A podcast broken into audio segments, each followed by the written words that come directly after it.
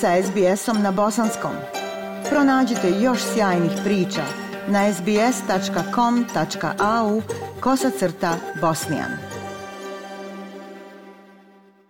Aisha, pozdrav tebi i slušateljima SBS radija. Svima koji obilježavaju Kurban Bajram, želim sretne Bajramske dane, Bajram šerif Mubarek Olsun. Muslimani širom svijeta dočekali su i obilježili Kurban Bajram.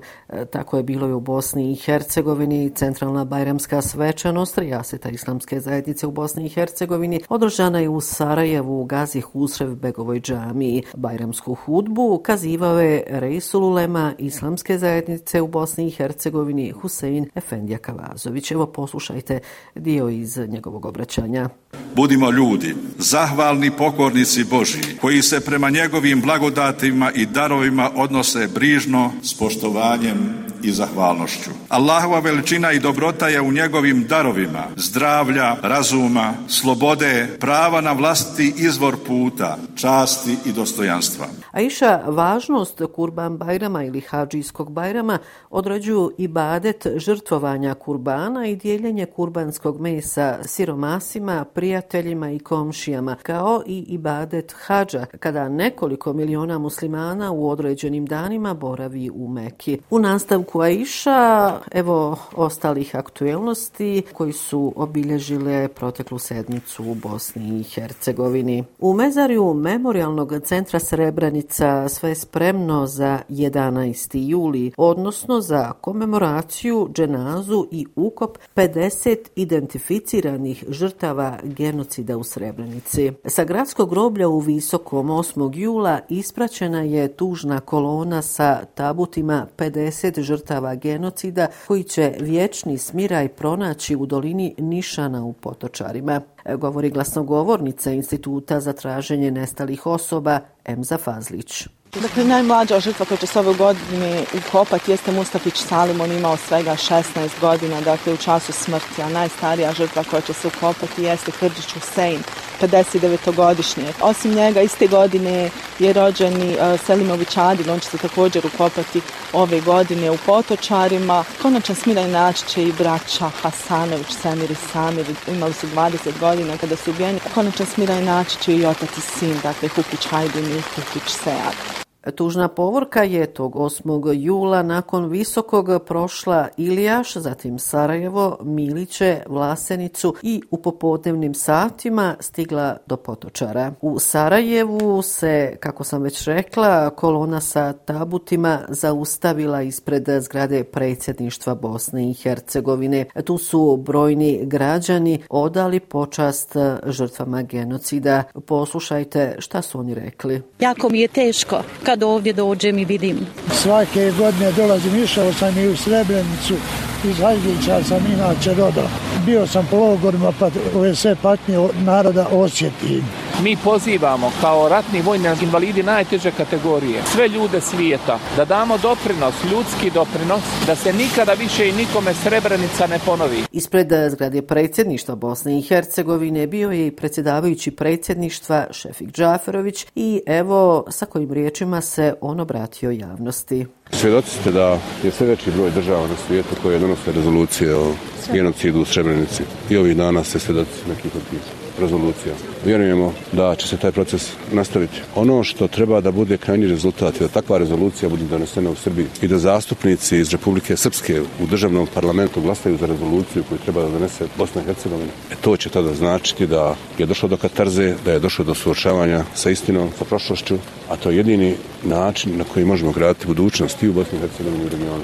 Ustavni sud Bosne i Hercegovine na svojoj sjednici 6. jula razmotrio je zahtjev predsjedavajućeg predsjedništva Bosne i Hercegovine Šefika Džaferovića za ocjenu ustavnosti zakona o lijekovima i medicinskim sredstvima Republike Srpske i zakona o dopunama zakona o republičkoj upravi. Ustavni sud je ove zakone privremeno stavio van snage. Inače, Ured visokog predstavnika u Bosni i Hercegovini i delegacija Evropske unije je upozorila kako stupanje na snagu zakona o lijekovima i medicinskim sredstvima Republike Srpske predstavlja kršenje ustava i korak unazad u usklađivanju zakonodavstva Bosne i Hercegovine sa pravnom stečevinom Evropske unije. Inače, ova odluka Ustavnog suda Bosne i Hercegovine nije službeno objavljena, ali je donesena privremena mjera. Kratka informacija, rok za predaju kandidatskih lista Centralnoj izbornoj komisiji Bosne i Hercegovine istekao je 4. jula. Konačna ovjera trajaće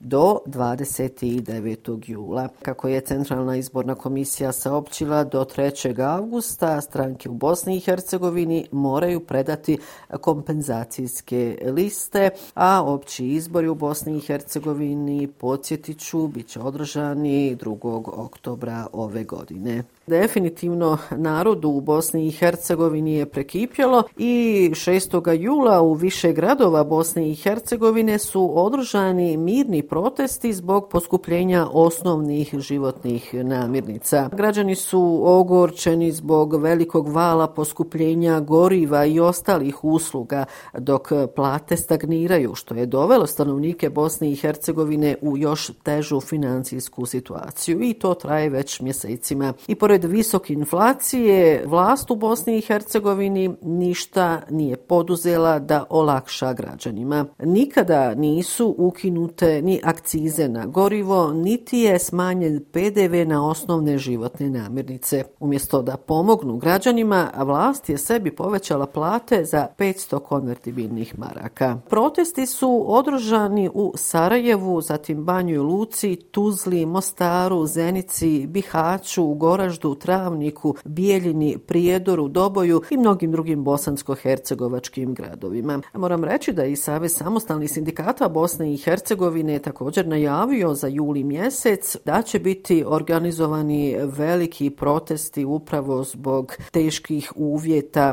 za život i zbog e, svakodnevnih poskupljenja. Hoće li zaista doći do tih protesta, to ćemo vidjeti u narednim danima. Umeđu vremenu zasjedala je vlada Federacije Bosne i Hercegovine i na toj sjednici 7. jula vlada je usvojila uredbu o programu pomoći kategorijama stanovništva koje su posebno pogođene inflacijom. Osim penzionera, jednokratnu pomoć e, bi trebali dobiti pripadnici boračke populacije, zatim primaoci stalne novčane i druge materijalne pomoći te civilne žrtve rata i neratni invalidi. Naravno, pitanje koliko i e, će ova jednokratna novčana pomoć zaista pomoći ugroženima, ali ono što je bitno da je ovu odluku saopćio e, premijer Federacije Bosne i Hercegovine Fadil Novalić, koji je pokušao da uvjeri ovdašnju javnost kako je jednokratna pomoć